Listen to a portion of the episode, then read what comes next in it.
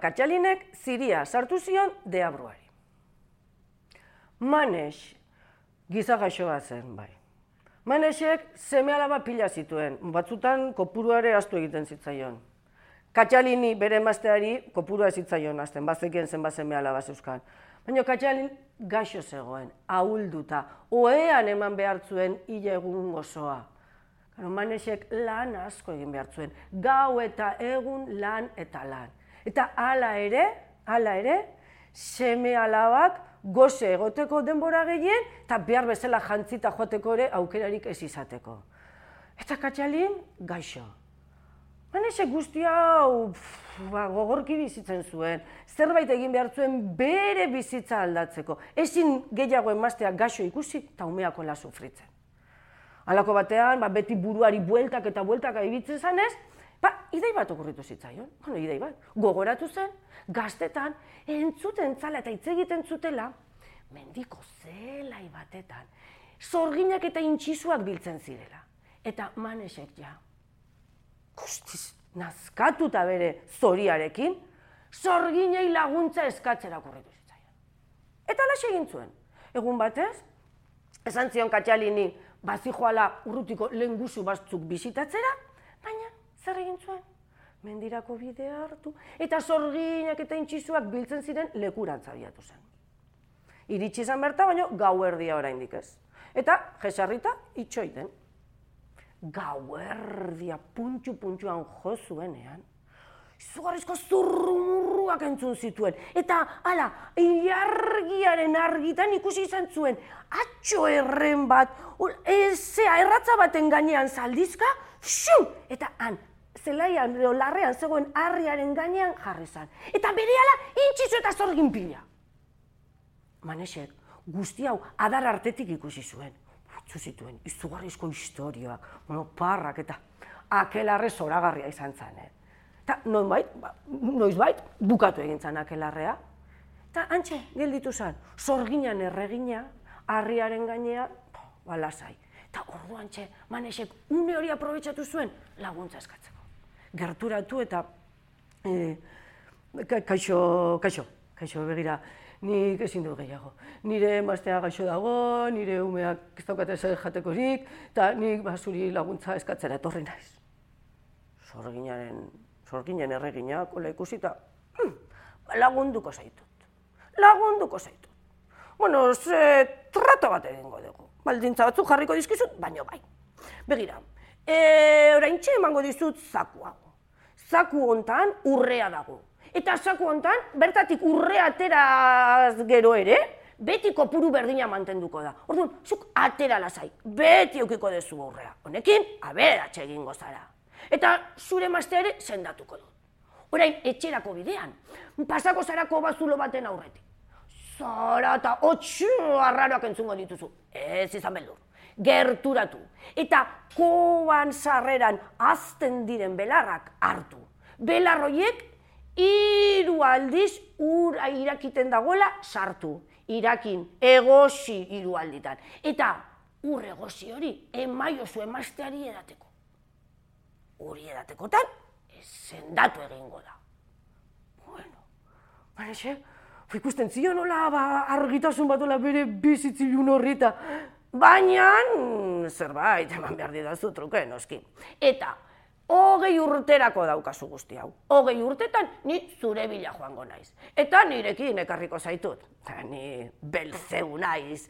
Zazpidea bruetan, importantenetakoa. Eta nirekin infernura eramango zaitut. Lasai, ez tegu, bertan hain gaizki pasatzen, satoz lasai. Bueno, manesek hogei urte bakizu hau, ba, hipoteketan bezala, ba, hogei urte, bo, ba, denbora luze, luze, luze. Baina, karo, berak behar zuen momentuan dena konpondu, eta onartu zuen. Hartu zuen e, larruzko poltsa. Eta une horretan, zorgina, xum, aker bihurtuta, lauanketan, mendian gora egin. Eta etxera biatu zen. Egin, e, zorginak esan dako guztiak egin zuten. Belarrak, bildu, egoz, eta dena, zorginak esan bezala gertatu zen. Katxalin sendatuta. Umeak sendu hasi ziren, alai, hogei urte eroso bizi izan zituzten. Baina, hogei urteak pasa iteia, eh?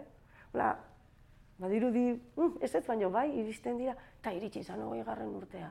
Eta manexe gogoratu zen, bai, manexe gogoratu zuen, sorginarekin egindako traturia.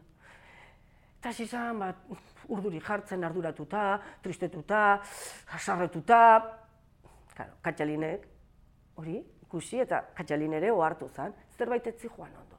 Eta behin eta berriro galdetze zion manesi, zer dezu manesi, zer dezu? Bueno, manesek azkenean ezin zuen zama horrekin eta kontatu egin zion. Kontatu egin zion, lehen ikustera joan zen egun horretan, ba, zorginei laguntza eskatera juntzala, eta beltzebukin tratu egin zuela.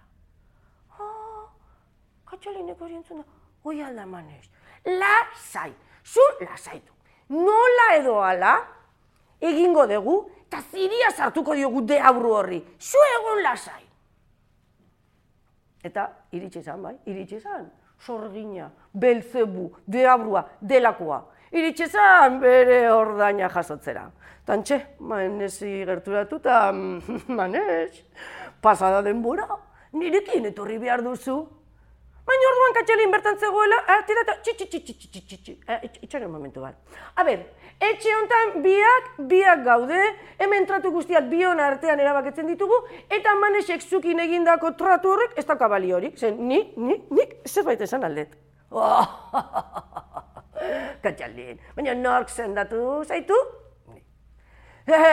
Zeini esker izan zu hola da beratz? Neri esker. Bat tratuan zuk eh, ondo aprobetsatu dezu ba? Bai, bai, bai, bai.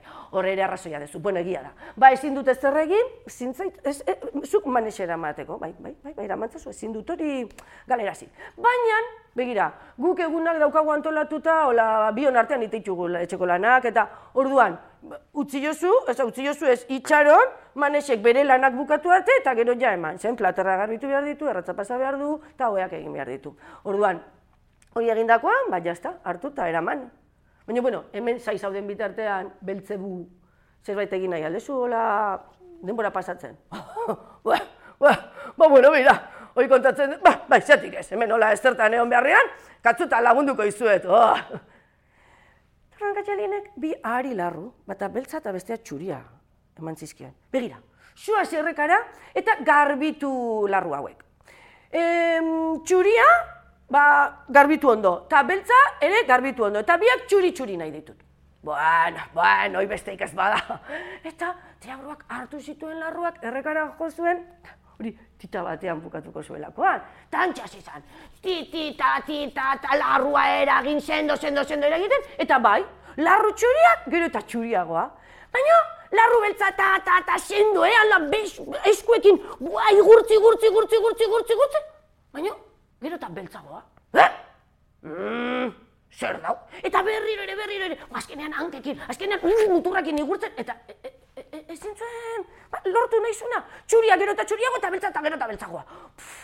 Demora luze eman zuena, ne, dure aburuak, bilarrukin. Eta azkenerako hartu zituen bilarruak, sartu zan etxera eta, behiak atxelin, tori hemen zure larruak, eta gelditu zure larruekin, eta zure senarrarekin. Denbora pila galdu dut hemen, jende gehiago eramateko neukan, eta hemen txeman dut gaur eguna. Begira, eh? Begira, ez zuekin ezer jakin nahi, total, eh?